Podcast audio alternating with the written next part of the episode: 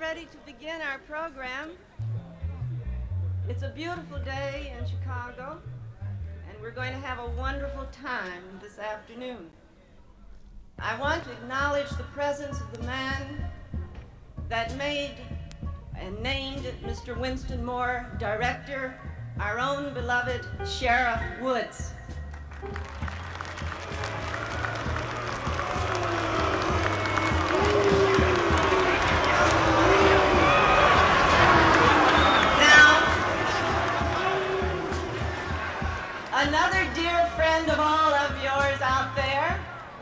Chief Justice of the Criminal Court, Judge Joseph Power, who is present.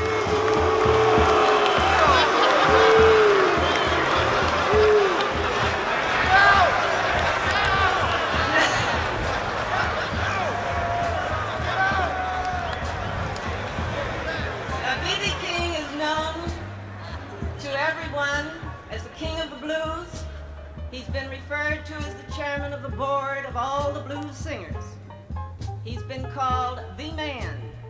But ever, whatever we call him, I know him to be just a fine, warm human being full of humility. Would you please come forth, Mr. King?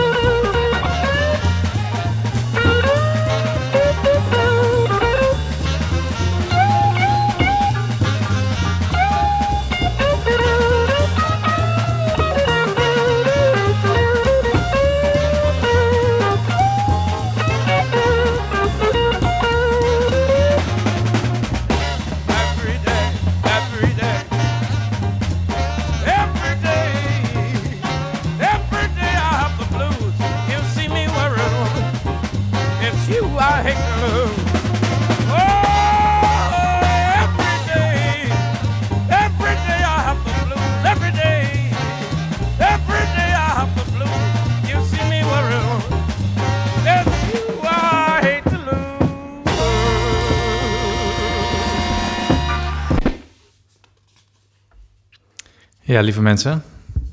We hebben vandaag een special. Die gaat over nie- niemand minder dan de King of the Blues, Mr. B.B. King. Deze, deze, had je, de- deze had je van mij te goed, Sjoen.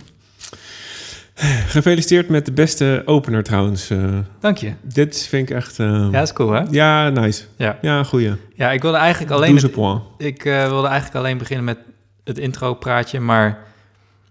Ik dacht, ja, toen hij erin knalde, dacht ja, oké, laat hem maar gewoon lopen. Maar komt, dat specifieke nummer komt namelijk straks ook nog een keertje terug in de, in de podcast. Die eh, Every Day I Have the Blues. Ja, klopt. Juist. Ja. Dat is wel handig als je bluesgitarist bent. trouwens. ja. hey, tof man. B.B. King. B.B. King, inderdaad, ja. Ik, ehm, ik had hem eh, heel lang voor jou als verrassing willen houden, maar volgens mij heb ik hem een keer versproken. Ja. En toen hoopte ik, nog- je reageerde er niet op, dus ik hoopte heel erg dat je er overheen had gelezen of het niet had opgemerkt of zoiets. Nou, zal ik je verklappen? Dat was ik ook, totdat je er later op een gegeven moment weer iets over zei. Huh? toen- ja, toen zei je iets over B.B. King. Toen dacht ik, oh ja, dat had hij toen verklapt. Uh, anyway, ja, goed. Precies. Anyway, ehm, er is een, ehm, er zijn, ja, nee, de- er zijn twee grote redenen waarom ik dit wilde doen. Ja. Allereerst, B.B. King is voor mij een jeugdheld. Mhm. Uh, volgens mij was Black Sabbath dat ook uh, voor jou, Ja. als uh, in je je- jeugd. Dus dat vond ik ook wel even een leuke, leuke link. Uh, het is een gast met zoveel charisma, zoveel stijl, eh, zowel in het spelen als in zijn vertoning. En ehm, hij is altijd op mij overgekomen als een heel eh, warm persoon en eh, die dan de blues uitdraagt. Uh-huh. En nou, ik, goed. Ik vond het dus ook, eh, ook heel erg waard om een deep dive te doen in B.B. King. Want het materiaal wat ik destijds heb gehoord van hem... ja, dat bleef eigenlijk maar bij vrij selecte greep uit zijn... noem je dat ook alweer? De, Oeuvre? oeuvre, inderdaad. Uh-huh. Dank je. Dus het- ik vond het onwijs leuk om, om nu een deep dive te doen. Ook wel Ik terecht, want, ben ook heel veel te, te weten gekomen nu. want ik, weet je, hij B.B. King is voor mij eigenlijk gewoon heel plat. Heel plat. Ja, ik weet helemaal niks van hem. Ja, Oh, zo, op die Ja, manier. anders dan z- zijn gitaar heet Lucille en ehm, Nou, heel goed. Ja. ehm, die heeft ooit gered uit een brand, geloof ik. Maar, en hij speelt gitaar en hij is ooit in Las Vegas eh, terechtgekomen met shows. Ja, en dat klopt. is alles. ja. Klopt. Nou ja, dus eh, ik ben echt benieuwd wat Nice. ik... eh, Nou ja, en, en de tweede grote reden was... Dus ik weet dat jij niet een enorme fan van blues bent. Dus Ja. ehm, ik hoop ze maar je op deze manier eh, een, een deurtje bij je te openen. Oké, Dus, eh, I'm ready. Yes, cool. waar was dit eigenlijk van? Deze... Eh, deze, twee- pla- deze plaat... ehm, eh, dit is eh, live in Cook County Jail. Hij heeft in de gevangenis gespeeld. Eh, ja, maar niet zozeer omdat hij zelf gevangene was. Maar hij werd eh, uitgenodigd in eh, gevangenis Oh, cool. om daar te spelen. Het was een soort eh, nieuw programma als het ware. Er zijn documentaires van. Onder andere zijn er beelden van dit, Cook County Jail, maar ook in Sing Sing. Sing Sing? Ja, ja het, het, je moet het opzoeken. Het is echt bizarre situatie. Oké. Je ziet namelijk een, de centrale zaal of de kantinezaal, of ik weet niet eens wat voor zaal dat is, maar dan zie je dus al die gevangenen heel dicht hutje-mutje op elkaar gewoon vrij zitten. Ja. En ze zitten heel dicht op het podium, ja. zonder al te veel eh, beveiliging. Ja. Staat hij daar op een podium te spelen met een hele band en nog mensen daaromheen. En ehm, een van die eh, documentaires, daar wordt ook wat eh, ver- vertoond in de voorbereiding daarvan. Ja. En dat is wel tof, want dan uh, die gevangenen helpen dan ook mee met het opbouwen. En uh, daar is dan iemand die dat een beetje leidt. En alsof, alsof het een soort sociale, En, sociaal werk is. en een vraag die bij mij opkomt, die misschien helemaal irrelevant is, maar speelde hij nou voor een wit publiek? Of hoe zat dat toen? Want, gemengd, gemengd. ja. Het waren zo, vooral zowel donkere als uh, witte Want dit was. Chicago of zo, hoorde ik.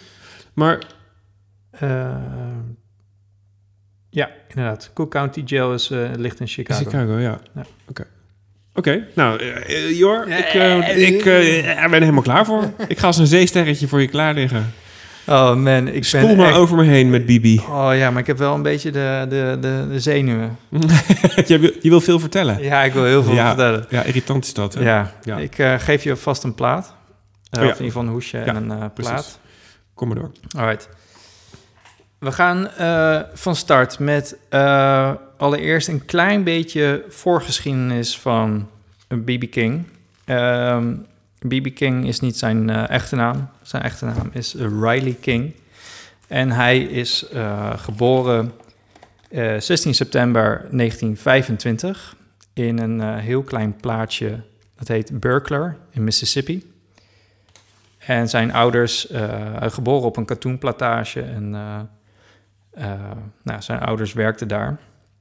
Maar op uh, vrij jonge leeftijd, of ik geloof op vierjarige leeftijd, is hij zijn uh, vader verloren. En vrij snel daarna is hij ook zijn moeder verloren. Ik geloof op negenjarige leeftijd. En sindsdien is hij eigenlijk door zijn grootmoeder opge, opgevoed. Dus ja, en ook, nou ja, goed. Die, die tijd was toen behoorlijk extreem. hij praatte toen over een gescheiden racistische omgeving. Dus heel veel dingen waren gewoon nou, gescheiden voor zwarte mensen. Ja, Mississippi, dat, die, dat was gewoon de plek, toch? Waar, Precies, ja. Waar, die, die, waar ze gelyncht werden. En, nou, inderdaad, ja. ja. Oké. Okay. Dus hij, oh, huishoudelijke mededeling. Ik ga even mijn geluid uitzetten.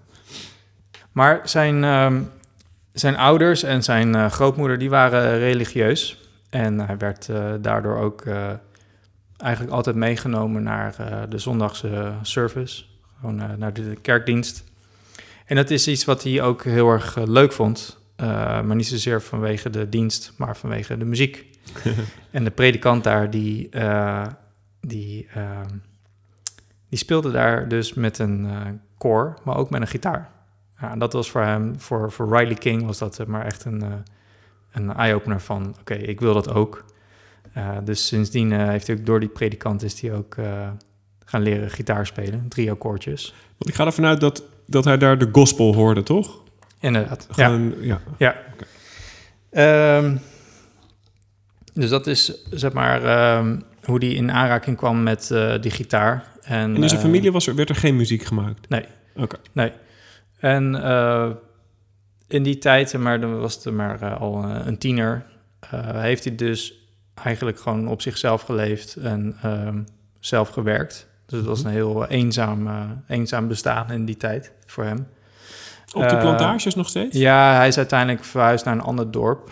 Ehm, weg van zijn grootmoeder en is bij een andere plantage gaan werken. Maar inderdaad ook een, op een plantage. Ja. En ik, het leuke is, is dat hij...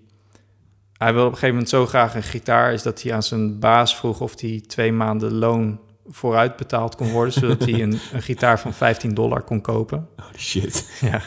Dus hij kreeg 57, per, eh 57 dollar per, per maand. Holy shit. hè. Ja.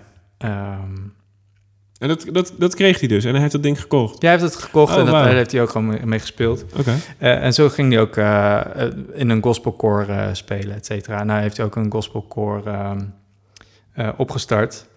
Ja, op een gegeven moment eh, brak de Tweede Wereldoorlog eh, uit en ging die, kwam hij heel kort in, in het leger, in, in, dienst. Maar hij werd, ehm, hij was een beetje vaag, maar hij werd al vrij snel een soort van afgebonjourd vanwege dat hij ook van economisch belang was of zoiets. Oh? Dus het is een soort regeling, want eh, nou, hij werkte op, de, op het veld en de tractor en dat was blijkbaar ook genoeg reden om daar dus te werken.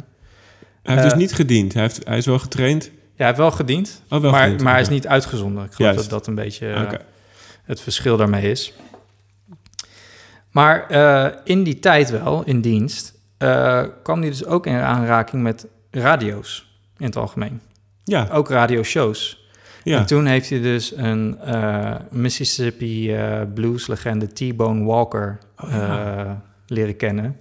Ja, dat was voor hem, eh, ook, ook omdat T-Bone Walker elektrisch speelde, dat was voor hem echt een soort van, ik wil een radiomuzikant worden. Nou, nog niet zozeer een bluesmuzikant, maar een radiomuzikant eh, wilde, wilde hij worden.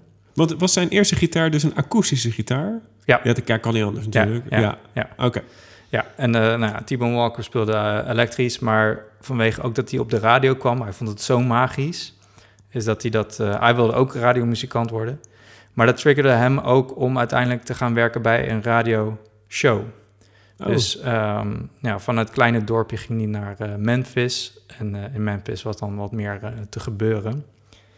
Ehm, En dan zitten we inmiddels 1950 of zo? Of nee, nee, nee, we zitten nog 40. re- re- 1942, 43 zitten Oh, we nu. Oké. Ehm, maar ik ga alweer veel te snel.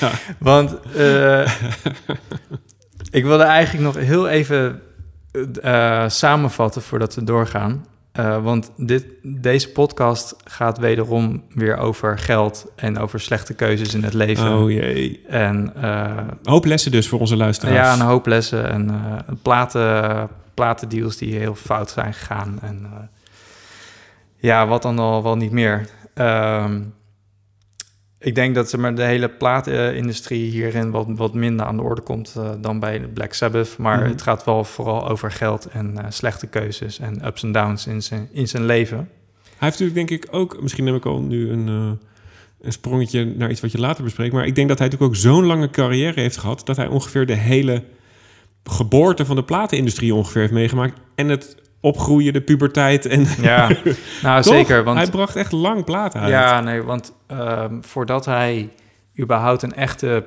eh een contract had en dat en een LP uitbracht, Ja. had hij dus al nou, wel honderd singeltjes Oh ja, uitgebracht. precies. Ja. Alleen maar singeltjes. Bij verschillende ehm, labels. Ja, of zelfs onafhankelijk gewoon zelf even een soort demootje geklust en Oh, dat cool. eh, opgezet op eh, singles. Dus dat eh, nee, is wel tof. Maar ja, hij kwam dus in aanraking met, die, met de radio. En dus het hele muziekgebeuren begon bij hem te leven. En wilde hij ook zeg maar, zijn mu- muziek ja, aan de man brengen of overbrengen, zou je kunnen zeggen.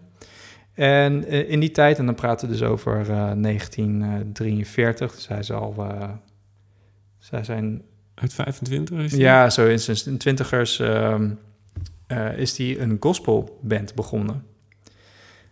Ja, dus daar, eh, daar pak ik je al eh, mee. en daar wilde ik even wat draaien. Eh, wat ik nu ga laten draaien is... Zijn wel- eigen koor? Ja, Oké. wat ik nu ga draaien is weliswaar later opgenomen. Dus niet met dat specifieke koor. Eh, maar dit strookt wel heel erg dicht tegen wat hij... eh, En dat is ook zijn compositie? Ja. Ah ja, oké. Nou, het, het- zijn, ehm, als ik het mag geloven, dit zijn allemaal korte nummertjes, kort- korte fragmenten, Mhm. waarvan eh, ze zo oud zijn dat het soms niet eens meer achterhalen is wie het daadwerkelijk heeft geschreven. Oké. Dus dat is even. ehm, En dan, ehm, Bibi die eh, zong niet, denk ik, in deze. Dus wel, hij zong. Oh, vet. Want ik denk al, horen we hem hier al gitaar spelen? Of dirigeert hij dit koor? Maar nee, sorry, dat had ik eigenlijk. zingt in dit hij- koor. Dat had ik eigenlijk moeten ehm, aankondigen in dat opzicht. Is dat. eh, dat, dat het bluesgitaar of het, het, het spelen, zeg maar. ja.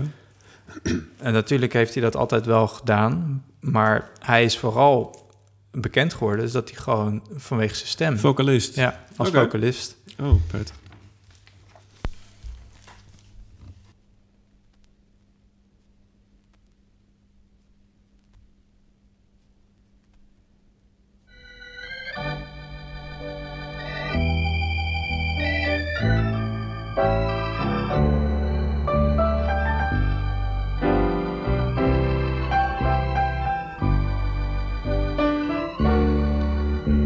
Precious Lord, take my hand, lead me on, let me stand. I'm tired, Lord, I'm weak, I am worn. Oh,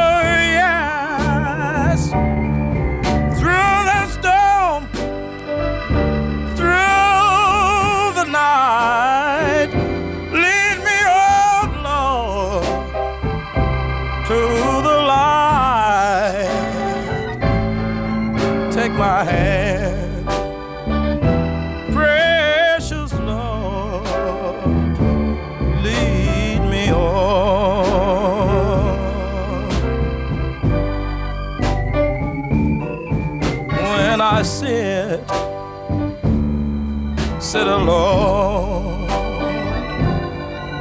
thinking of my mother at home. I can see her in that old, old armchair.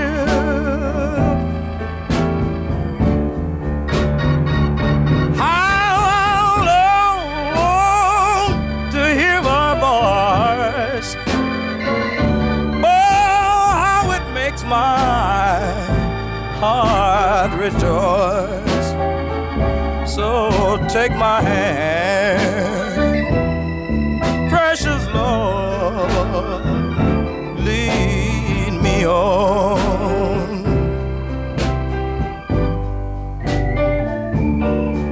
when darkness darkness appear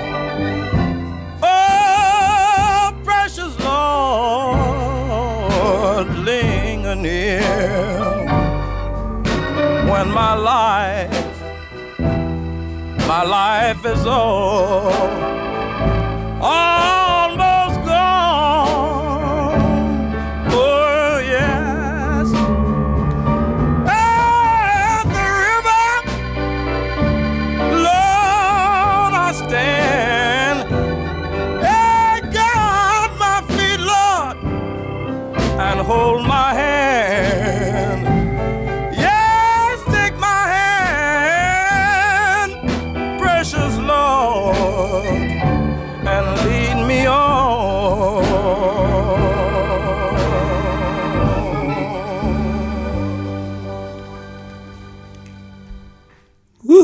amen. B.B. King sings spirituals. Is het heel gek om te zeggen dat je hier al een beetje zijn gitaarspel hoort in de manier waarop hij zingt? Ik, ik word bijna... Ja, ja. Ja, nee, het, prachtig dat je dat zegt. Het, het zit Ja, er... nee, klopt. Of ik heb het zo vaak gehoord dat ik het er tussendoor hoor of zo, zijn gitaarspel. Maar hoe hij zingt is hoe hij ook speelt of zo. Ja, nou ja, dat, dat is altijd wel wat er gezegd wordt over hem... is dat zijn gitaar echt in wezen het verlengde is van zijn stem. Alsof hij eh, vraag en antwoord met zijn stem gitaar doet zo. Ja. Ga ik het zo nog even over hebben? Ja, wel Ja. kicken dit trouwens. Ja. Ik wist helemaal niet dat hij alleen maar... eh, Wat? dat hij het Deze vocale plaat had Deze opgenomen. hele plaat is echt zo vet. Ah, voor iedereen thuis die meeluistert, B.B. King sings spirituals. Er zitten echt zulke mooie platen of eh, nummers op. Vinyl, Vinyl Lovers trouwens is het uit. Ik ken het helemaal niet. Zeven, nee, ja, Het label. ik ook niet. Het is een reissue ook Het ziet trouwens. er goed uit. Het klinkt ook goed. Ja, ja, nee, zeker een mooie uitgave. Maar Save a Seat for Me en Time Ollie, eh, Religion. Ah, ja, het zijn echt prachtige platen. En dat. Anyway, eh, ik had het net over die radioshow. En ehm, daar eh, begon hij dus ook wat naamsbekendheid te krijgen. Dus Riley King begon wat meer een artiest te worden. Hij, hij stond uiteindelijk ook be- meer bekend om de Blues Boy. Want even, ik snap niet goed wat een, een radioshow toen was. Zoals wij dat nu ook hebben? Of? Ja, nou ja, gewoon inderdaad. Het is een soort radiozender en niemand praat Die- daar. en die draait En muziek. die, en die draait plaatjes tussendoor, inderdaad. En dat deed hij dan? Ja, hij, hij Ah. uiteindelijk kreeg hij een eh, baantje om dat te gaan doen. Oké. Dus eh, ik durf, ik weet niet eh, maar in hoeverre dat, dat het echt maar zijn dagelijks leven bekostigde. Maar in ieder geval, hij kon daar eh, aan de bak voor, eh, voor één fragmentje per, per week. Kon Ja. hij zeg maar als DJ aan de bak. Maar hij stond dus uiteindelijk bekend als de Blues Boy. Ook vanwege zeg maar, zijn ja, interesse naar blues, de Mississippi Delta Blues. Eh, maar je voelt hem al een beetje aankomen, want Blues Boy is De BB. De BB. En later ging hij als artiest eh BB King. Dus eh, het was Blues Boy King en later werd het eh, BB King. Dus hij heeft het van de radio eh, Ja. ehm, ja, eh, helemaal nog niet vanuit de, de titel King of the Blues. Ja. Eh, Dus vandaar dat eh, daar ligt een beetje die, eh, die oorsprong. Ja, maar blues, wat is dat eigenlijk? ja, daar kan je ook een aparte podcast over, Nou. eh, over maken. Ja. Ja. Ja. ik dacht ik wilde er toch even over eh, uitweiden. het moet Ja. wel, hè? Wat heb jij, eh, hoe, hoe, hoe zie jij dat? Ook de blues, zie je? Ja, wat is het voor jou? Nou, het, ehm, Want het eh, je, hebt, verhalenvertellers. je hebt ooit een keer een hele pijnlijke opmerking gemaakt. over de witte blues. Hashtag witte mannen bl- Ja. blues. Nee, ehm, de, voor mij is de echte blues, ehm, eh, of de echte blues, het zijn de verhalenvertellers. Dus, eh, en gaat het niet over eh, hoe fantastisch lang je kan soleren, maar gaat het over de echte verhalen. Hm. Die het liefst gewoon ehm, klein worden gespeeld. Zo, dat, dat vind ik de, Ja. ehm, de blues. Nou, en Bijna zo, gospel zo zie ik dat ook. Ehm, het is zeg maar ook een soort vorm van therapie, zou je kunnen zeggen. ja, verwerking, rouwverwerking. Ja, want de onderwerpen is toch, gaan vaak toch over eh, bepaalde dagelijks problemen of levensproblemen. Het missen van een vrouw, het missen van een baan. Nou ja, Nou ja, eh, of discriminatie. Discriminatie. Eh, Ik bedoel, de, nee, ja, klopt. Het kan, de oorsprong komt natuurlijk van gruwelijke pijn. ja, Ehm, in katoenvelden en onderdrukking, dat soort dingen. Nee, klopt. Ehm, er is een... B.B. King heeft in 1978 heeft hij een soort, eh, is hij een soort presentator geweest in een eh, tv-programma. Ja. Eh, ik ga nog even opzoeken hoe, hoe die precies heette. Ik eh, krijg je straks van me te horen. Had hij zijn eigen show? Nee, hij werd een soort van te gast ge- Ah, gevraagd. Ja. Maar in wezen ging het dus over, over de blues. Mhm. En het is heel erg leuk, echt heel schattig, omdat eh, hij heeft een heel mooi pak aan. Echt een heel mooi pak. En hij staat dan in een, vlakbij een katoenplantage volgens mij. En daar wordt hij eh, gefilmd en daar praat hij eigenlijk over de blues. En tussendoor krijg je dan allemaal fragmentjes te zien van artiesten uit de, uit de regio. Of eh, ja, een stukje geschiedenis krijg je te zien. Van alles wat. In ieder geval cultureel gezien is het heel rijk en heel, heel grappig. Maar daar vertelt hij dus ook een beetje over de, de oorsprong van de Mississippi Blues, als het ware. Ja. En ehm, zoals hij het beschreef, is dat het, het kwam allemaal samen in de Black Bar. Zeg maar, waar s'avonds, zeg maar, overdag heb je gewerkt op het veld en s'avonds kon je dan nog eh, in het weekend samenkomen in die, in die bar Mhm. om nog even eh, toch nog soort van iets van sociaals te hebben. Ja. Ehm, maar daar werd al heel gauw muziek gemaakt. Maar ja, ze hadden niks. Dus het Om was muziek mee te maken? Nee, dus het was heel snel gewoon Ah ja. dit soort dingen. Ja. Eh, en daar werd dan overheen gezongen. En heel af en toe had iemand een krakkemikkig eh, gitaartje. Eh, maar het was heel simpel. En, Ja. dat is, en dat is voor mij ook de blues. Dus voor mij is zeg maar de, de backbone van de blues altijd heel simpel. En draagt het, gaat het altijd meer over wat ze te vertellen hebben. Ja. Ehm, ja, en ehm Bibi heeft het daarin ook over de cotton hollers. Heb je daar wel eens over gehoord? Over de field hollers? Oh, ja. Ja. Ik denk het wel. Het is zeg maar wat ze noemen vocal work song. Oh, ja. En eh, ja, hij- dat, de blues is in dat opzicht, als, ik, als je het aan mij vraagt, een hele natuurlijke evolutie geweest van, van die vocal work song. Eh, want dat is eigenlijk een beetje ja, een soort van zingen tijdens het werken. Ja. Maar ook heel ritmisch, om zeg maar die cadans, erin, te, ja. in te houden. Eh, en dan nog een beetje het soort van de, het leven erin te De houden. spirit hoog te houden. Ja, Ja, dit zijn al die legendarische field recordings die er eh, Ja. gemaakt zijn. ja. Cool. Ja, dus dat, ehm, dat is in ieder geval... Nou, ik ben blij dat jij er eh, op dezelfde manier naar kijkt. en zingt hij daar dan ook over in die, eh, die thema's? In, in het Eh, begin? Of, of heeft hij het snel over de, over de vrouw die hem bedriegt of zo? Nee, nee, nou, nou ik, vind, ik ben blij dat je dit zegt, want het geeft me een mooi bruggetje. Ehm, dan wil ik je eigenlijk zeg maar, zijn, zijn allereerste grote hit, tussen aanhalingstekens, ehm, eh, geven. Of in ieder geval, die wil ik opzetten. Zijn Hotel California. Zijn Hotel California, inderdaad. Waar die zeg maar onder de zwarte gemeenschap eh, Bekend heel wordt. bekend is om geworden. Oh ja. Maar dan was het niet Hotel California, dan was het misschien ehm, harder dan ik hebben kan. Oh mijn god. Is dat een slechte vergelijking? Mag, zullen we opnieuw beginnen? Oké, dit is, en ehm, eh, dit is een eerste ehm, Ja. hitje b- binnen de zwarte gemeenschap. En dat luisteren is of dit werd, werd gekocht. Hoe, hoe werkt dat? Weet ik niet 100% zeker, maar zijn bekendheid kwam vooral van, eh, wederom weer vanuit dat radioprogramma. Ehm, en daar, als ik het goed begrijp, kwam er daar ook af en toe live performances Oh uit. ja. Mhm. En die trokken steeds meer aandacht. Oké. Ehm, maar ja, Bibi, zeg maar, met zijn band destijds, eh, nam eigenlijk alleen maar singeltjes op. En dat singeltje wat ik nu ga draaien, Oh, dat werd wel verkocht. die werd... eh, en hij speelde dus ook in clubcircuits of zo? eh, ja, Juist, oké. ja, maar kleinschalig hoor, want ik bedoel... Nee, niet dat heel Amerika in- doorging. In, in zwarte gemeenschap. Ja, eh. ja. Oké. En je pakt nu de plaat Swinging the Blues van B.B. King. Nee, Singing the Ook Blues. Singing. Ja. Singing the Blues. Ja. Ehm, ja, dit is een compilatieplaat. Ik durfde hem vorige keer niet erbij te halen.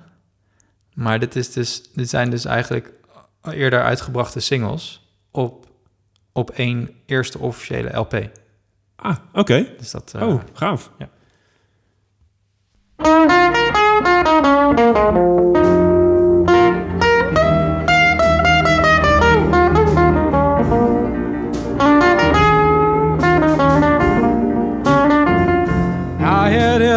O'clock in the morning.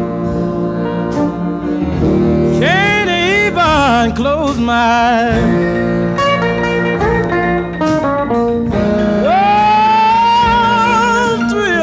o'clock in the morning, baby. Can't even close my Well,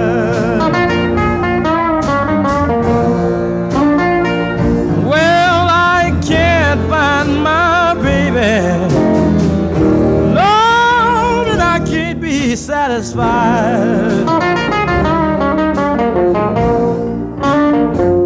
Lord, I've looked around me. Well, my baby can't be found.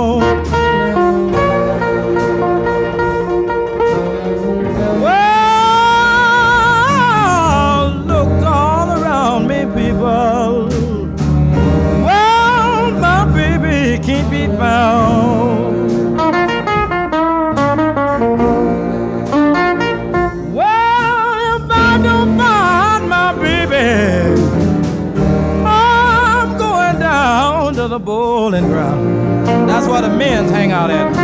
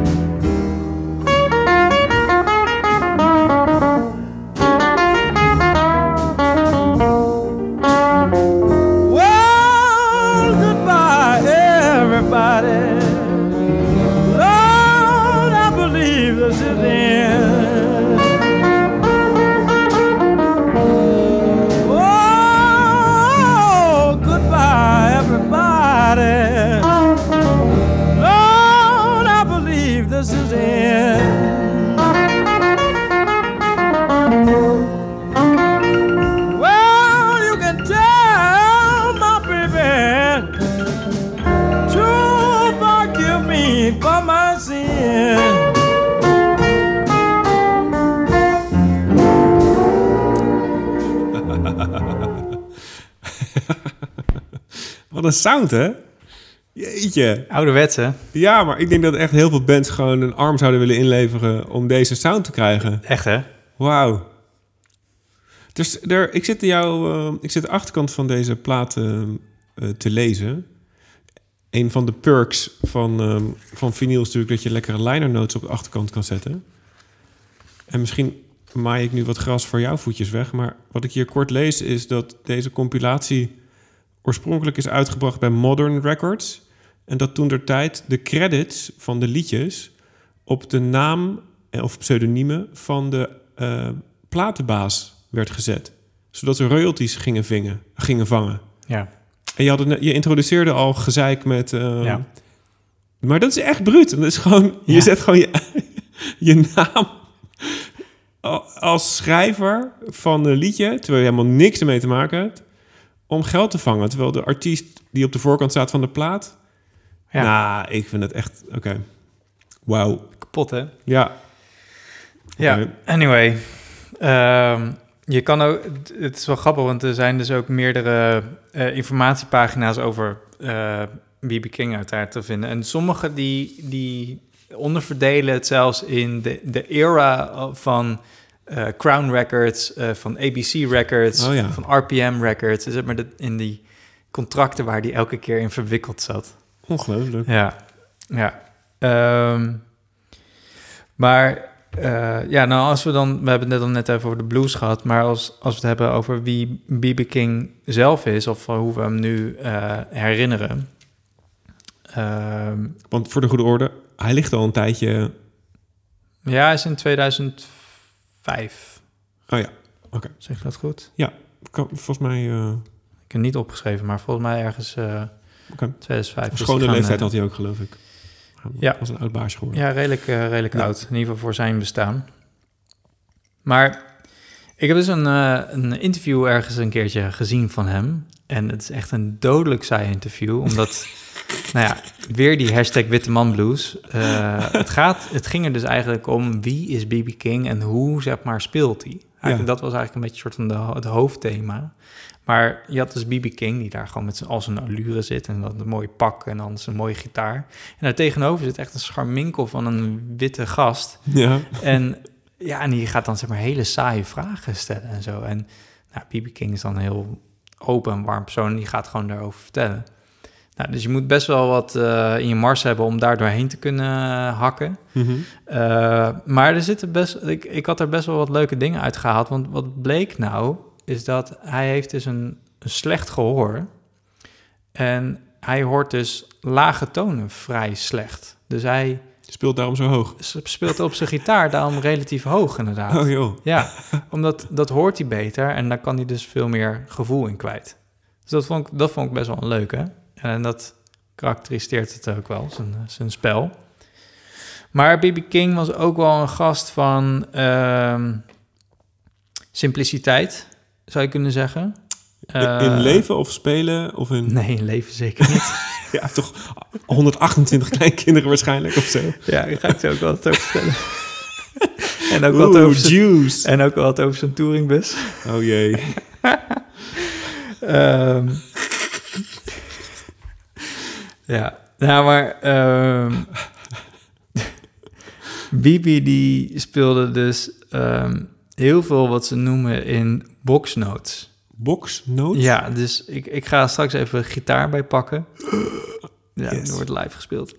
Ehm, nou, weet je wat, ik doe het nu, want dan kan ik ondertussen Yes. kan ik het ook, eh, kan ik het ook uitleggen. En hij heeft de vibrato, dus dan, die twee dingen ga ik even uitleggen.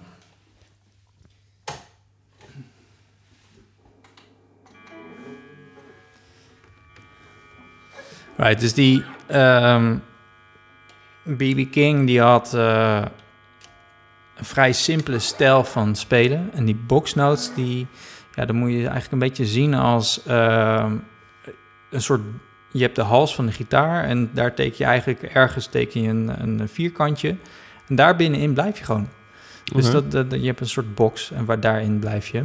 Mhm. Eh, dus hij gaat niet aan de wandel over de hele, eh, over de hele hals. Eh, die, die witte man eh bluesgitaristen die gaan eh, van... eh,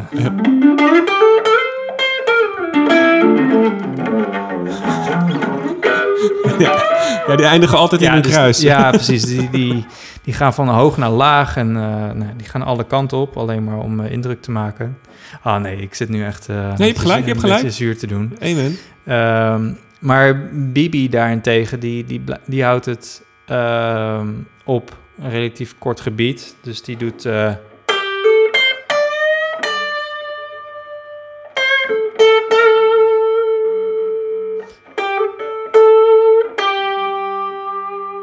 En, nou, en dan eh, ondertussen speelt de band verder en dan... eh, Ja. Dus die haalt, zeg maar, de... Zijn zinnen haalt hij eigenlijk uit, uit maar een paar tonen. Maar daar heeft hij wat foefjes voor. Nou ja, foefjes. Hij heeft dus de vibrato. Eigenlijk in wezen wat hij doet... Hij pakt één eh, toon op de gitaar.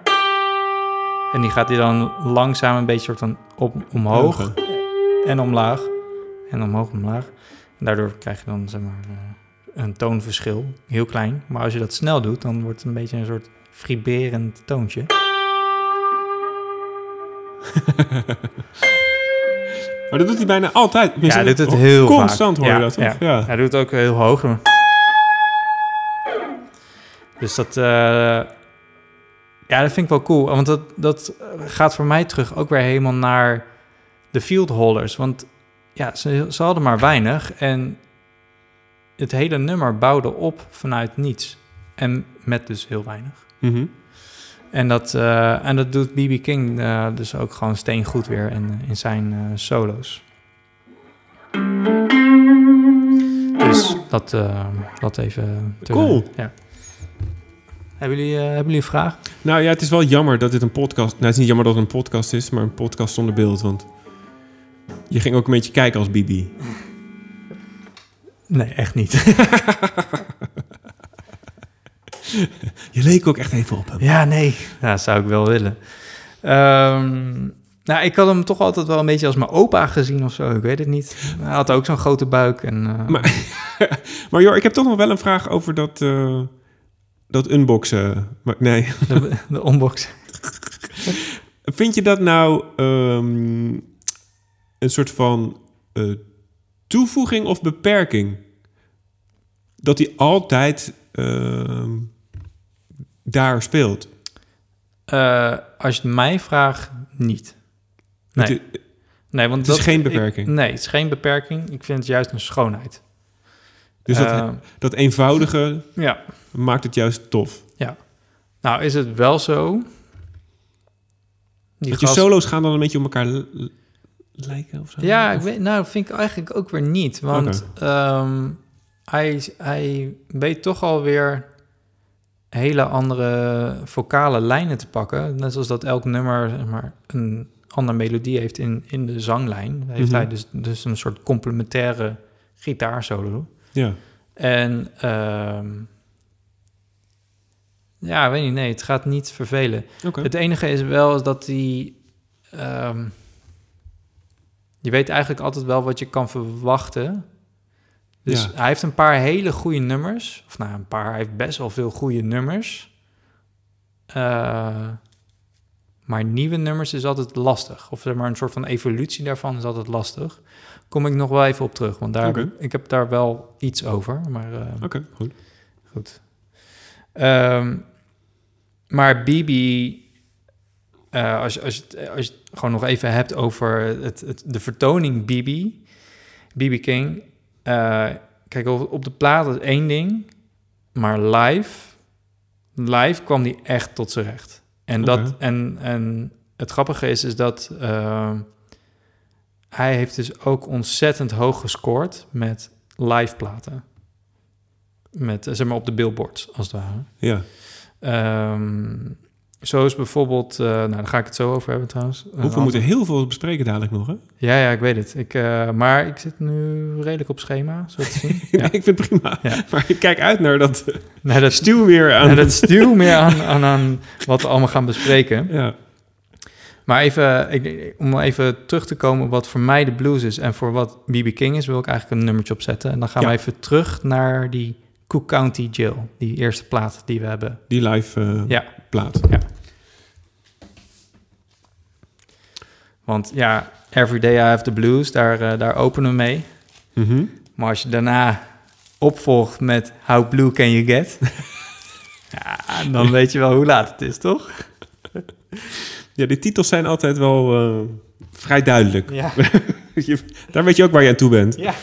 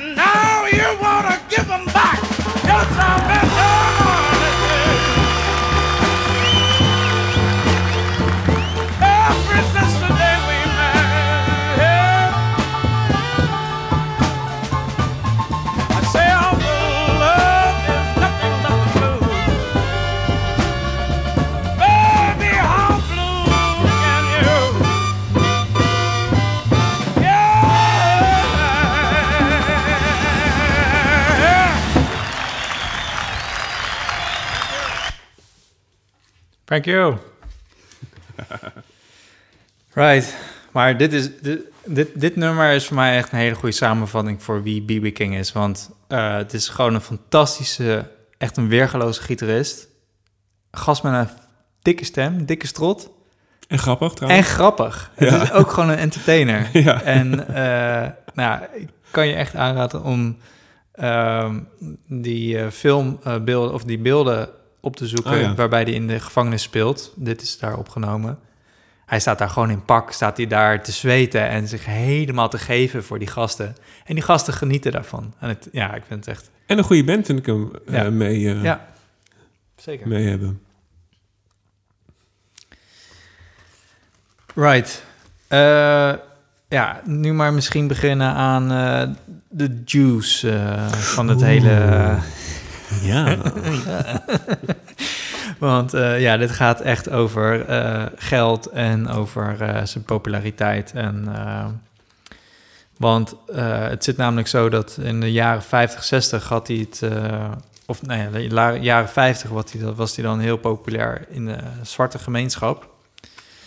Maar jaren 60, jaren 70 eh ebte die populariteit helaas weg. En kreeg hij het zwaarder bij de eh, zwarte gemeenschap. En heb jij enig idee waardoor dat zou komen? Ja, ik gok dat de Soul eh, het overneemt. Bingo! nee, inderdaad. Soul en de Eh, Funk walst soul- er natuurlijk overheen. Juist, soul en funk kwamen in en hij zat eigenlijk gewoon zonder werk, Ja. praktisch. Ja. nou ja, dat was wel de harde realiteit. En, Ja. ehm, maar die gast die, die bleef wel toeren. Eh, om maar gewoon, ja, er moest wel wat verdiend worden. En hier en daar kon hij nog wel eh, iets, eh, iets spelen. Want eventjes voor, voor mijn beeld, toen was hij dus een veertiger inmiddels, toch? Ja, ja. Oké, dus ook wel een beetje oud voor, voor die tijd voor popsterren en rocksterren, toch? Ja, terwijl als ik dan verder ga in zijn carrière, dan lijkt leeftijd eigenlijk toch niet echt wat, wat te doen of zo met Hm. zijn. Oké. Nou, anyway, dus ja, de jaren zeventig en dat, dat, werd gedomineerd door soul en funk. En dan zat hij daar met zijn midlife crisis eh, Ja. in een bus te En die toeren. gast zat, eh, eh, bleef, bleef toeren. Maar wat, wat er nou gebeurde, is dat hij, hij kreeg langzaamaan kreeg hij, meer witte mensen in het publiek. Oh, En eh, ja, er was dus ook een, een soort van anekdote dat hij dan aankwam in een hotel om te gaan spelen. En hij wierp even een, vluchtig blikje zeg maar, de zaal in. En hij, en hij zag alleen maar witte mensen. Dat hij zei van, ja, sorry jongens, pak je spullen maar in. We zitten verkeerd. We zitten verkeerd. Uiteindelijk die, die manager die zei, nee, blijf, blijf nog even een drankje doen en zo. Nee, nee, het is echt, komt allemaal goed en zo. En, ja, B.B. King vertrouwde het niet. Ook, weet je, omdat het gewoon... Weet je, raci- het racisme zat er ook nog in. Dus Ja. Er zat heel veel wantrouwen eigenlijk in. Ja. Maar ehm, ja, uiteindelijk bleken ze gewoon allemaal voor hem te, te en waarom, komen. weet je waarom dat is gekomen? Waarom is het eigenlijk dat witte publiek voor zijn neus gaan zitten? Ehm, In de periode dat de zwarte gemeenschap juist denkt... oké, we gaan nu naar iets hips. ja, dat durf ik je eigenlijk niet te zeggen. Hebben ze, zijn dat mensen die van de radio eh, hem kennen? Of, nou, of tv Nou ja, hij misschien? nou, maar hij was wel, hij was wel op eh, radio was hij wel eh, breed bekend onder de, onder de DJ's. Eh, maar ik had dat eigenlijk altijd opgepikt als nou, toch wel een selectieve groep van zijn radiozenders. Dus maar de zwarte zenders, Mhm. als je het zo zou kunnen zeggen. Eh, maar waarschijnlijk is dat toch ergens een keertje opgepikt van... hé, hey, dit is eigenlijk toch wel leuk. Ik kan me ook voorstellen, dat is totaal gebaseerd op allemaal aannames en stereotypen en eh, valse overtuigingen. Maar dat het witte publiek toen de tijd zijn eh, muziek ook misschien wel makkelijk vond instappen. Ja, dat zou, ja, het zou zeker Ik denk dat het een vrij toegankelijke blues is die hij speelt. Ja, En een leuk vent. ja. Dus Nee, charmant. Ja, zeker. Ehm, maar het was ook een man van de vrouwen. Want eh, daar hield hij ook wel van. Dus eh, Oké, kom maar door. Moet Ja. ik, moeten we pen en papier erbij nee, pakken? nee, nee, nee, ik heb geen lijst van vrouwen waarmee hij het allemaal heeft gedaan. Ah. Maar, maar hij heeft geloof ik wel eh, iets van 14 kinderen verdeeld over acht vrouwen of zo. Oh jeetje, ja. Dus, ehm, en soms laat hij zich daarover uit dat hij daar zich eh, beroerd over voelt of zo. Want hij wil dan wel ook een vader zijn. Mhm. Er zijn ook beelden van dat hij dan zijn oudste dochter weer terugziet na lange tijd. En dat is toch wel een mo- emotioneel moment. Maar ja, ik vind het toch altijd een beetje raar om, om je dan op die manier over uit te laten. Maar vervolgens wel gewoon 300 shows per jaar draaien Ja. en alleen maar eh, op weg zijn. Ja. Want dat was het. Hè? Ik bedoel, ehm, er was wel- weliswaar minder populariteit voor hem in de jaren 60, 70. Maar hij bleef wel echt altijd werken. Eh, ook omdat hij zichzelf een beetje in de knoei werkte. Want hij had ook nog eens een gokverslaving erbij. Dus dat Oh, zorgde er ook niet voor dat hij... eh, eh, ja, hij zat niet altijd helemaal ruim. Dus dit was niet, dit was niet zo'n eh, ster die dan aan de doop of van nou, alcohol zat, maar een gokverslaving. Ja, Oké. ja, ja, ja, want hij, ehm, hij, drank, hij deed dan nog wel zijn drankje. Maar hij was echt wel een advocaat van het eh, gezonde leven. Dus Oh. niet aan de drugs, niet aan eh, rare middelen. In die zin wel gedisciplineerd of zo. Ja, ja zeker. Ja. Maar dus ja, geld was dus eigenlijk altijd wel een, een, eh, een issue. Ja, en toen was er echt nog een keer echt een, een vervelend incident. Daar heeft hij niet zelf echt mee te maken gehad. Maar ehm, hij kocht op een gegeven moment kocht hij een, een touringbus. Eh, echt een grote touringbus. En die noemden ze Big Red, omdat hij gewoon eh, ja, groot was. En eh, rood waarschijnlijk. ja, Big Red. Dus. Ehm, maar daar, ik, geloof, ik weet niet waarom, maar dat hij, volgens mij zat hij er niet in. Maar doet er niet toe. Ze waren op weg naar de volgende locatie. En die bus die, die raakte in een ongeluk met een, met een vrouw in, in, in een auto. En die vrouw was heel zwaar eh, verongelukt. En die, die bus die, eh, die, die ging in vlammen op. Dus eh, ja, BB King zat daardoor met een claim aan zijn broek. Oei. En moest dus een grote smak geld terugbetalen. Dus dat, dat was wel echt voor hem een dieptepunt met combinatie van gokverslaving, Weinig werk. die, die claim, weinig werk. Oh, ja. Dus dat, hij kon ook een baantje krijgen in eh, Vegas, waar hij als ja, gewoon kleine artiest eigenlijk werd weggezet.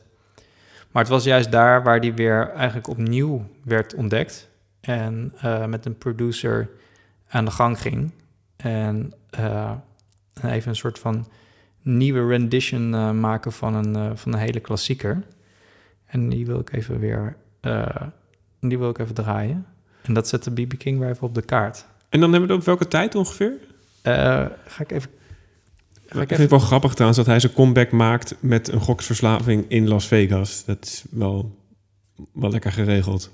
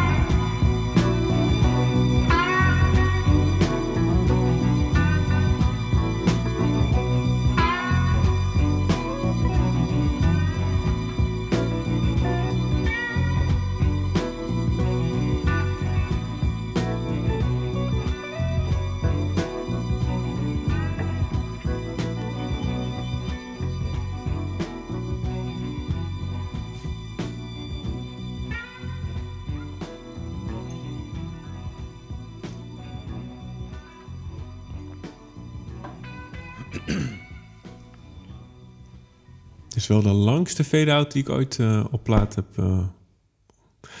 Gaaf, die strings. Ja, nou ja, voor eens moet de eerste keer zijn, toch? Cool, man. Bibi met... eh, ja, in eh, 69 eh, bracht hij deze single uit. The Thrill is Gone. Door producer Bill Ch- Chimchik. de charts, de kohol, de kohol, nog iets. Wacht, zal ik, zal ik het even goed voor je uitspreken? Bill-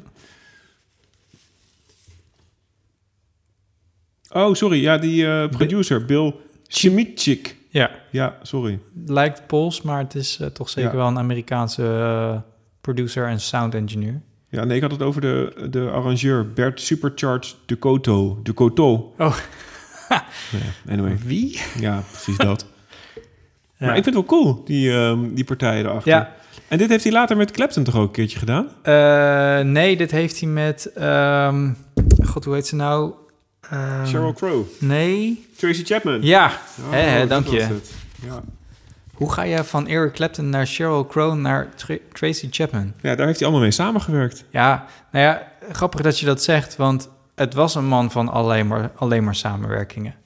Die gast heeft, hij heeft uiteindelijk ehm, later nog met U2 heeft Oh, hij ja. eh, eh, een nummer opgenomen. Daar raak When Love Comes to Town? Ja, heel goed. Oh ja. Daar heeft hij ook wel eh, behoorlijk mee gescoord. Ehm, Best wel gaaf eigenlijk. Hij heeft toen gewoon, dat was jaren 90 of 80?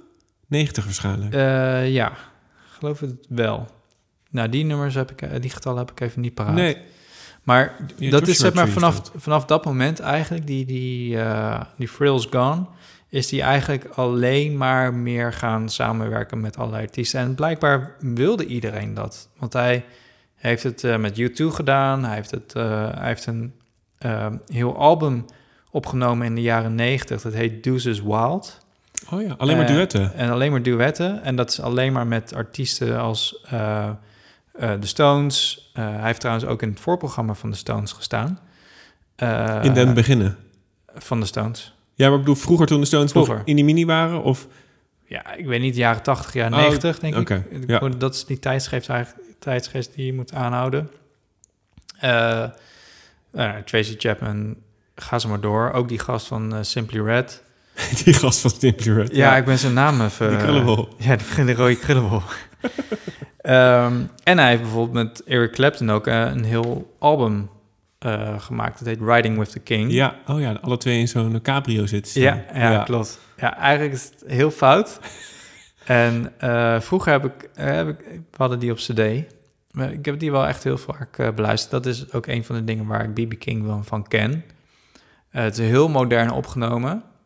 Iets te gepolijst, als je het me nu zou vragen. Mhm. Vroeger vond ik dat helemaal fantastisch. Eh, maar dat album heeft ook wederom weer gewoon heel hoog gescoord eh, in de billboards.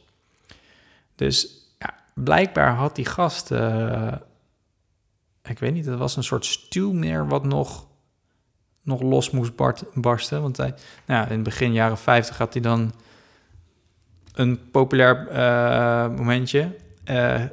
raakte in een dal en vervolgens weer naar een Ja. nieuw plateau eigenlijk gekomen. Ik moet ook een beetje denken, Jor, aan, die, aan de bluesgitaristen die, ehm, die de Rolling Stones eh, op een gegeven moment, toen ze bekend waren, eh, gingen uitnodigen. Ehm, omdat zij natuurlijk, de Stones pikten natuurlijk ook gewoon heel veel uit de blues. Ja, Ehm, en die gingen op een gegeven moment, toen ze het podium ervoor hadden, letterlijk en figuurlijk, ook die oude knakkers, waar ze dus door geïnspireerd waren, uitnodigen. En ik kan me voorstellen dat B.B. King ook op die manier natuurlijk op vele podia en vele samenwerkingen terechtkomt. ja zeker. Als je, als je, je hoeft maar een klein beetje te spitten en je ziet al zoveel lof en zoveel ehm, soort van erkenning dat, eh, dat hij zeg maar, een bron van inspiratie is geweest voor, nou, voor een band als ehm, hoe heet die, eh, de, de Stones. Maar ook eh, Jimmy Pace heeft daar wat eh, over Oh joh, losgelaten. Ja, ja dus het, het, het, heeft heel, hij heeft een heel breed bereik gehad, ook onder de radar. Ja. Ehm, en ik denk dat dat wel een leuk bruggetje is naar het volgende. Eh, want los van de samenwerking heeft hij dus natuurlijk ook heel veel mensen beïnvloed, zoals we net hebben ge- gezegd. Er is, en ik had net ook even die live albums eh, aangestipt. Ja. Want dat zijn er zijn een aantal, waaronder die live in Cook eh, County Jail die je net hebt gehoord. Er zijn een aantal die gewoon echt als een soort van hallmark staan ge- ge- aangestipt. Ja. Eh, die zijn opgenomen in de, de, de Hall of Fame voor blues. Het zei dat dit zeg maar ja, iconen zijn. En zo is er nog eentje, die heet Live at the Regal. En Live at the Regal, eh, dat is in, eh, geloof ik, in 71 opgenomen. Nee, sorry, dat is de Cooking County. Maar de Live at Regal, ehm, at the Regal, sorry, die staat zo eh, onbekend als zijnde een primer. Primer? Ja, heb je heb je daar wel eens van gehoord? Nee, Nee? een primer. Een, een voorbewerking. Wat, wat op- zou het zijn, denk je? Een primer? Was hij de primer van de avond? Nee, ik heb geen idee. Nee? Eh, het is in Chicago trouwens opgenomen in, eh in 64. Maar eh, een primer, eh, het zei je dat eh, dit zette een aantal hele bekende blues, eh, nee, niet blues, maar een hele eh, Oh. aantal bekende gitaristen zetten dit op voordat ze zelf moesten spelen. Oh. Oké, oh, dan ben ik wel benieuwd eigenlijk. John Mayer heeft het gedaan, Santana heeft het gedaan. Huh? Ja, dat soort... eh, Oké. Oh, vet. Oké. Dus dat, eh, daar wil ik even daarvan wat eh, draaien. Want ja, zijn platen zijn misschien wel hartstikke cool. Maar live heb ik hem altijd het vetste gevonden. Gewoon puur vanwege zijn energie en, en de entertainment die erbij zit. Ehm, ik ga dan een nummertje opzetten dat heet Help the Poor. ja. Ja, het typische, niet van hem, niet door hem geschreven. Eh, maar mede wel door hem. Ja, ik zal hem even naar het, aan jou eh, geven. Maar mede, mede wel door hem is het echt een van de meest gecoverde bluesnummers. Oh, echt? Oké. Oh. Het hele album is vet, maar ik vind dit, eh, dit even, even iets anders. Dus daarom eh help de poor. Hij is van Charlie Singleton.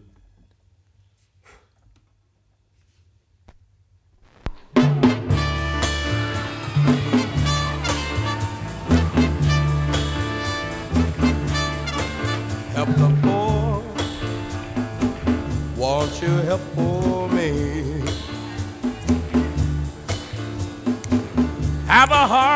won't you, baby? Listen to my plea. I need you so much, I need your care. Need all the loving, baby, you can spare. Help the poor. Oh, Baby, won't you help poor me? Say you will. Say you'll help me on. I can't make it no further in this world alone.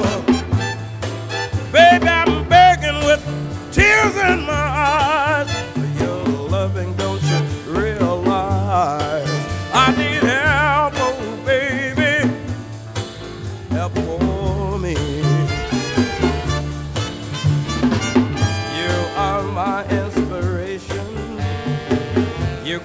Make me be a king. But if you don't come to my rescue, I couldn't ever be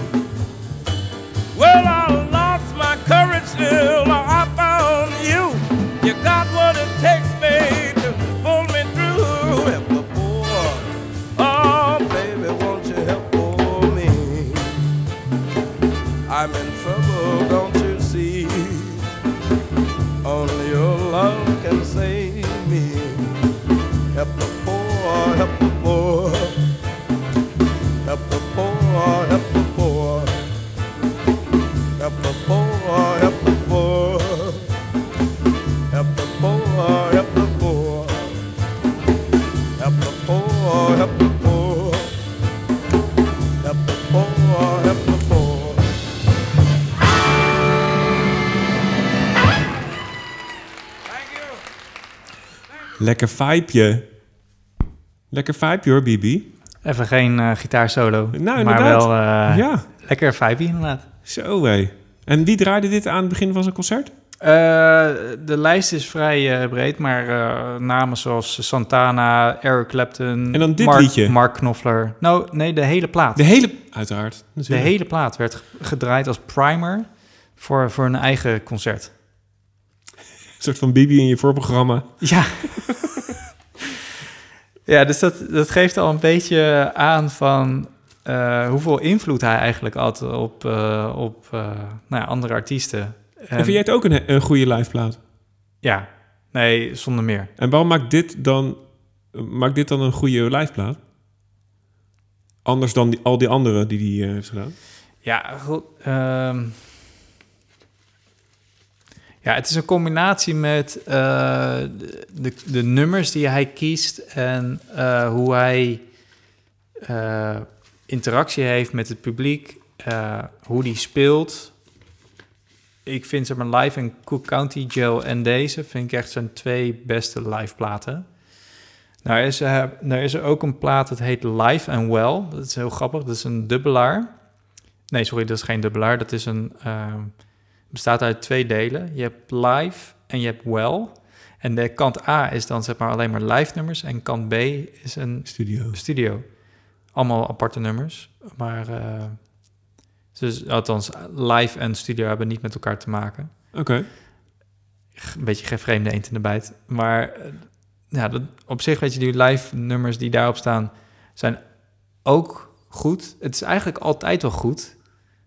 Maar dit is altijd gevoelsmatig van, Oké, oh ja. ja. lekker. Oké. Oké, oké. Ja. Ja, dus ehm,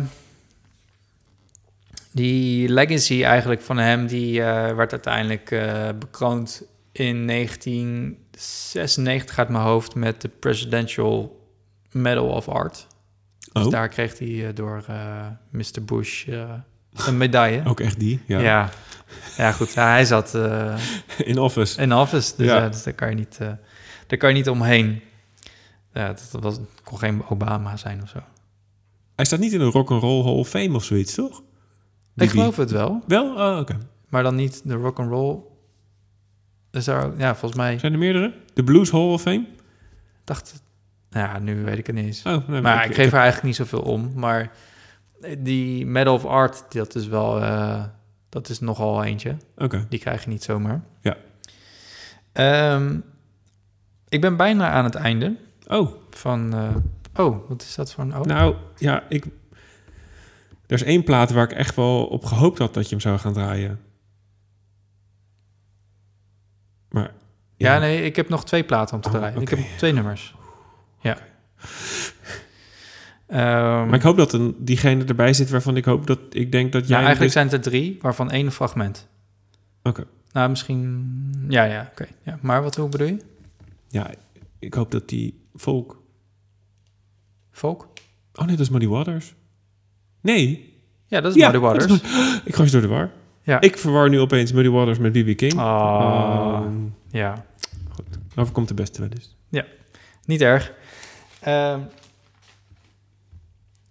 want zoals ik al zei, die gast heeft eh, invloed gehad over Jan en Alleman.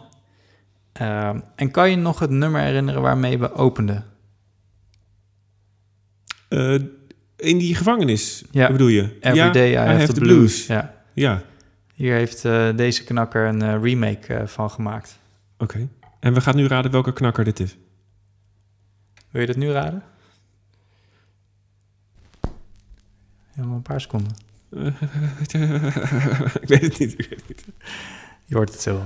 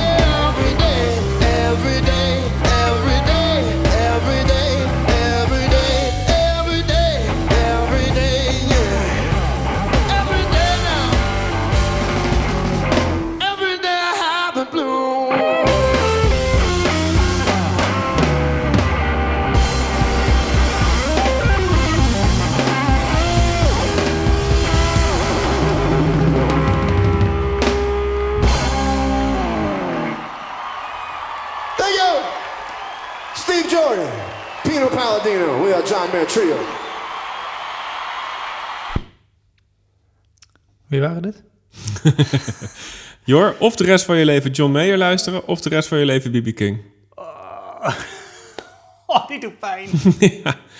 Ja, Oh, man.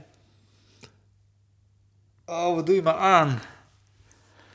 Eh, gevoel zegt BB King.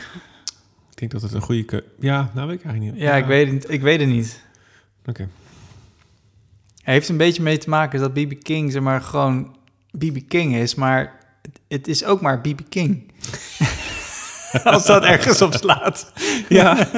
ja, ik denk dat je wel voel. Ja, Ja. En, en John Mayer, die, eh, die heeft nog soort van eh, de potentie om eh, groter te worden dan alleen maar John Mayer. Nou, eh, anyway. Ja. Dit was dus eh, John Mayer trio met eh, Pino Palladino en Steve Jordan. En die hebben dus een nou, remake gemaakt van de Everyday After Blues. Dat gezegd hebbende, kom ik bijna aan bij het einde. Ja, ik eh, had, net, had net nog even een soort gevoel van... ik heb iets gemist. En heb je wat gemist? Nou, weet ik niet. Kom ik straks wel, dat gevoel komt straks wel weer terug. In de edit. In de edit. Eh, had jij dat niet? Ja, zeker wel. Ja. Maar Jor, kan je iets zeggen over, ehm, ehm, over de, de platen die je van hem hebt? Want ik vroeg net eh, bij het liedje... welke plaat heb je nou nog extra gekocht aan het eind? Toen zei acht. Je hebt acht B.B. King platen gekocht. ja. Ehm, Nee, eh, acht platen voor deze aflevering. ja, voor deze aflevering Waarvan, gekocht. waarvan er zeven BB King zijn. Ja. Ja. Ehm, dus, ehm, maar waar kies je op? Weet je dan welke persingen wat lekkerder zijn dan de ander? Of weet je van sommige platen die zijn zo kut opgenomen? Of is Bibi altijd goed opgenomen? Oh, dat is een eh, goede Want vraag. hij heeft zoveel platen uitgebracht. Nee, nee, klopt. Dat is helemaal waar. Ehm, eh, ik ben afgegaan op een paar, laten we zeggen, historische punten in zijn leven. Mhm. Ehm, dus wat het heeft gedaan met, eh, met zijn carrière. Ja. Dus daar ben ik voor gegaan. Dus platen als eh, Live at the Regal en eh, eh, BB King Singing Spirituals... dat waren eigenlijk bijna no-brainers om die mee te nemen. Maar ja, dan kom je inderdaad op, het, op, het, ja, op de persing. Ja, welke uitgave? Jongen, ik heb echt daar ook zo echt mijn hoofd over gebroken. Of, ja, ik weet niet of ik dat correct zeg, maar eh, kijk, ergens zal ik net kijken van, ja, ik wil eigenlijk de originele persing, gewoon de eerste. Oh, wauw. Eh, maar in heel veel gevallen is dat gewoon niet zo mogelijk. Omdat ehm, zeker de oudere platen, dus de jaren 50 platen van B.B. King... die zijn eigenlijk hoofdzakelijk alleen maar in Amerika gedrukt. Ja. Dus alles zou dan uit Amerika moeten komen. En ja, dan ga je gewoon stevig betalen. Of, het is, of de verkoper biedt het niet eens aan om naar eh, Europa te verschepen. Dus daarin was ik een beetje ehm, nou, gelimiteerd. Maar toen, ehm, nou, kwam ik eigenlijk een beetje terug op, eh, op hetgeen wat jij zei. Van, in sommige gevallen is het juist eigenlijk wel chiller om een reissue te kopen. Ja. En ben ik dus uiteindelijk voor, die, voor dat pad gegaan. En was het gewoon simpelweg eh, een kwestie van zoeken naar goede reviews en kijken of het eh, een beetje aanslaat. En ik moet zeggen, in sommige gevallen is het gewoon een gok geweest. Ik dacht, nou ja, dit ziet eruit als een mooie uitgave. Dus laat ik hier maar voor gaan.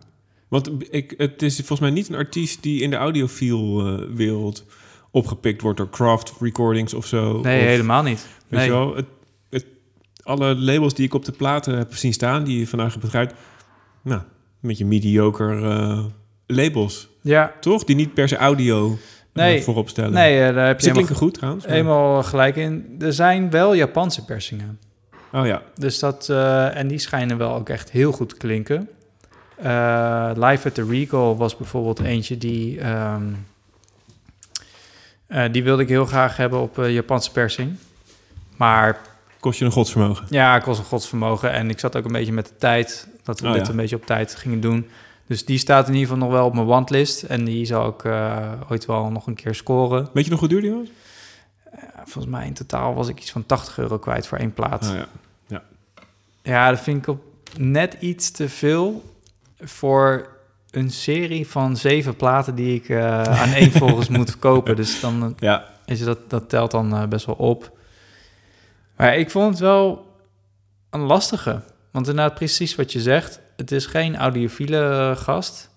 Eh, hoeft natuurlijk ook niet. Maar ja, dan begeef je toch aan een on- eh, onbekend terrein ja. met labels die je niet kent. eh, ja, geen reviews eh, eh, beschikbaar. Of überhaupt niet iets beschikbaar. Ja. Dat, dat kan maar Ja, of, en ook niet geremasterd of geremixed of door Nee. Abbey Road of weet ik veel. Ja. Enige referentie eh, Ja. is er niet. Ja. Oké, goed. Maar tot nu toe ben ik vrij blij. eh, ben ik best wel blij hoor met alles wat ik heb binnengekregen. Klinkt, eh, klinkt zeker niet slecht. Nee, precies. Dus, ehm, ja, ik, ik wilde eigenlijk nog een ja, soort van eindigen met zijn legacy. Mhm. Ehm, Zijn nalatenschap, zijn zijn erfenis. Ja, inderdaad. Zijn heritage. Ehm, want ergens vind ik dat hij niet genoeg credit heeft gekregen voor wat hij heeft gedaan voor eh, de muziek. Oh, echt waar? Ehm, ja, Van wie had hij de credits moeten krijgen? nou, gewoon wat meer. Het is gewoon zeg maar meer hoe andermans muziek werd beïnvloed door onder andere zijn werk. Mhm. Eh, nou kan je dat nu achteraf kan je dat wel terugvinden na zijn dood. Ja, Want dan is het natuurlijk heel makkelijk om mee te praten. Ja, B.B. King was ook een inspiratie voor mij. ja. Maar destijds was het, misschien- was het ja, lift hij gewoon een beetje, werd hij gewoon meegenomen. Nou, ik weet niet. Voor mijn gevoel heeft hij gewoon Hij wordt tekort gedaan. Wordt tekort gedaan, ja. Je komt voor hem op. Oké. ja dus uh, dus Nou, ik moet je vandaar wel ook zeggen- deze, deze ode aan hem. Ik moet je wel zeggen, ehm, je hebt het over legacy en dan moet ik heel erg denken, oh, ehm, eh, legacy van Queen of legacy van, eh, weet ik veel, bands die niet meer bestaan, The Doors of eh, Jeff Buckley. Zijn allemaal artiesten die na hun dood nog heel veel terugkomen in, eh, in de popcultuur. Ja. Maar BBC, is er ooit een biopic nog uitgebracht door hem of weet je wel, iets? Of hij is, hij is ook verdwenen. Niemand beheert meer zijn nalatenschap of zo? Ik bedoel, Ja, of niet in, in Europa? Ja, nee, ik heb, eh, ik heb ook weinig ehm, ja, reissues of heruitgaves eh, gevonden, zeg maar, van de laatste paar jaren. Ja, Van zijn iconische platen. Maar wellicht is dat ook niet eens de moeite waard, precies om hetgene wat we net zeiden, dat, het, dat de opnames Hmm, niet goed genoeg waren of zo de- voor zoiets. Ja, Maar dat wil niet weg dat eh, je kan altijd wel een leuke heruitgave eh, uitbrengen met eh, liner notes en even... nee, maar serieus, iedere artiest heeft vast wel één of twee gewoon fantastische platen. Ja, En dat Bibi ook. ja, Dus door dat oeuvre kan je vast wel iets, eh, iets halen wat, ja eh, precies. wat Dus, na een eh, remaster en een goede persing echt te gek is. Ik vraag me af in hoeverre dus dat, dat hele, die hele platendeal, hoeveel dat nog speelt. Want hij heeft er maar Oh. drie grote contracten gehad. Ja, Ik weet niet in hoeverre... ook bij Atlantic zag ik. Is het zo? Ja, ik zag ook dat hij op Atlantic uitkwam. Maar goed, buiten dat, het kan ook versnipperd zijn natuurlijk. Ja. Dat hij, dat hij misschien ook niet zelf... eh, Ja, je bedoelt dat het, eh, de, het eigendom versnipperd is. ja, ja, Ja. de rechten. Ja. Maar goed, sorry, ik dat- door je af. Nee, maar dat maakt niet uit. Maar dat is wel inderdaad waar ik ook een beetje naartoe wilde. Want dat het is gewoon zonde. Toch? Want het- niemand doet er nu nog, eh, nog wat mee. Ja, jij. Ja, Jor, nu ik. Jij. Ja. Je moet hem toch vertalen in het Engels, deze podcast. Geen probleem. Doe ik zo. Ah, AI heb je daarvoor, hè? Oh ja, precies. Ja. Anyway. Ehm, ik wilde even een soort 1-2'tje doen. Oké. Met een original van B.B. King. Mhm. Een nummer wat hij zelf heeft geschreven. Het heet Why I Sing the Blues. Ja. Daar doe ik even een fragmentje van. Dat je even hoort en voelt zeg maar, hoe het klinkt. Een impressie? En daarna wil ik afsluiten met iemand die jij ook dicht bij je hart hebt. Die hem heeft gecoverd. Oké. Ja? Ja. Oké.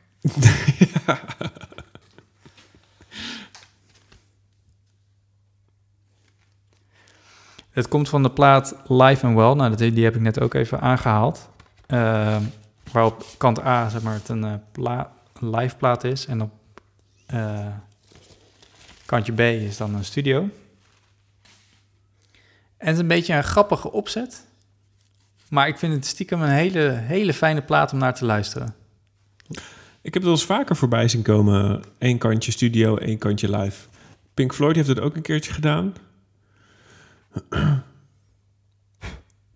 Hé, hey, maar Jor, je hebt nu dus wel een Classic Blues Album Collector's Reissue 180 gram, including original artwork limited edition in je handjes, hè? Ja, zeker. Dus we zitten net te zeiken dat er eh, helemaal geen aandacht aan besteed wordt.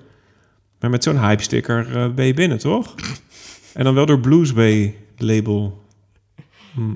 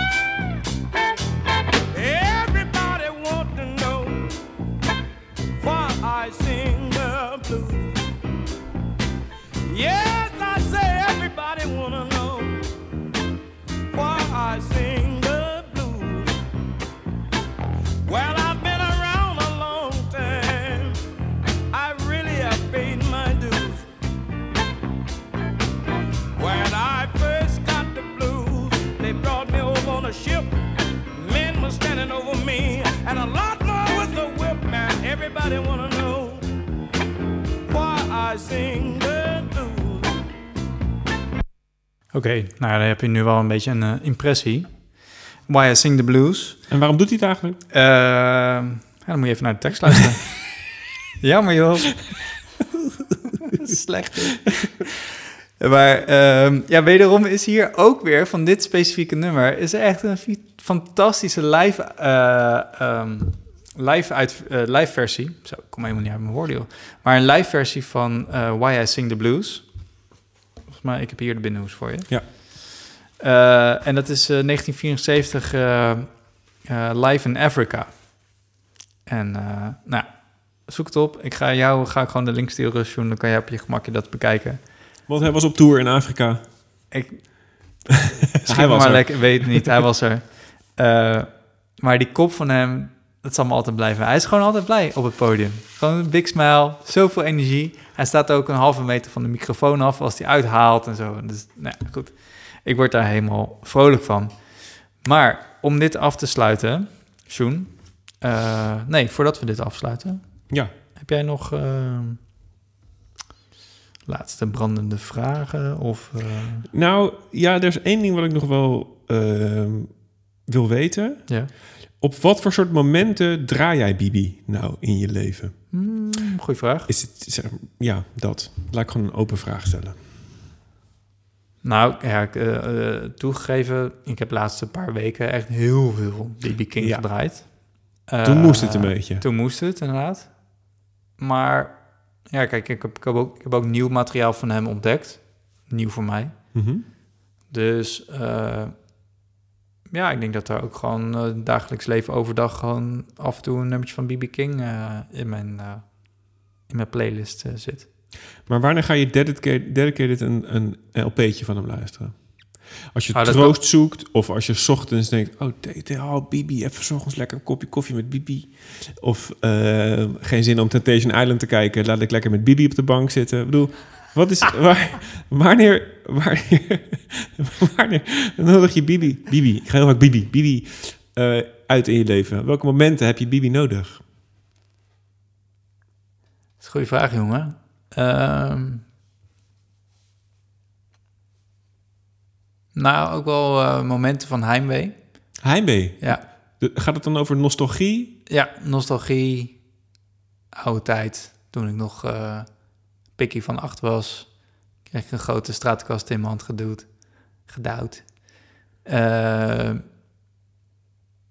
ja, dat zijn gewoon, dat is een leuke tijd geweest. Oh ja, dus dat brengt je dan terug naar die Ja, dus dat zijn momenten van nostalgie. gevoelens, ja. Dat ik het dan eh, fijn vind om er naar te, eh, te luisteren. Ehm, maar ja, nu weet ik ook een beetje maar, hoe elke plaat klinkt. Mhm. En sommige hebben gewoon wat meer energie en de andere hebben, zijn wat meer mellow. De platen die meer energie hebben, die, die zou ik best wel gewoon in de auto willen draaien als ik eh, ergens naartoe eh, ga toeren of zo. Ja, Ja, en de mellow platen. Ik denk niet dat ik ze zo heel vaak dedicated zou opzetten. Maar ik weet 100% zeker dat bijvoorbeeld in mijn Apple Music dat dan zo'n Apple Radio van je eigen bibliotheek. Ja. Dan pakt hij een greep uit eh, eruit. Ja, zou ongetwijfeld daar af en toe een nummertje van pakken. En dan mm, voor mij blendt dat helemaal perfect in, in de rest van eh, mijn bibliotheek. Heb ik nog één vraag, hoor, de laatste. Ja. Dit is echt de allerlaatste. Op welke manier heeft je, heeft je ehm, deep dive van de afgelopen weken of maanden het beeld van Bibi beïnvloed wat je had? Wat ben je wijzer geworden? Ehm, nou, ik ben hem überhaupt eh, leren kennen. Dat is denk ik... eh, want hiervoor ken ik dan alleen zijn gezicht en zijn muziek. Ja, Maar dan ook maar een, beperkt, een beperkte selectie van zijn muziek. En nu heb ik toch echt wel meer het gevoel van wie hij echt is. je hebt meer inzicht gekregen in zijn persoon en privé. Ja. Ah, oké. En dat heeft invloed op de muziek die je luistert? Oh ja, zeker. Oké. Ja.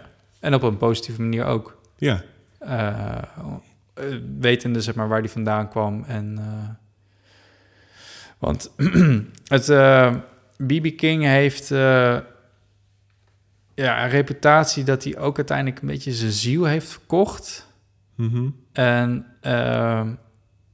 omdat hij zeg maar uiteindelijk zoveel met reclames aan de gang ging dus hij stond er uiteindelijk als een darter. ja, hij stond... Hij st- nee, niet als een darter, maar hij stond reclame voor een autoreclame. Maar op een gegeven moment ook eh, voor burgers. Ik weet niet Oh. meer welke fastfoodketen dat was, maar echt voor alles. En voor...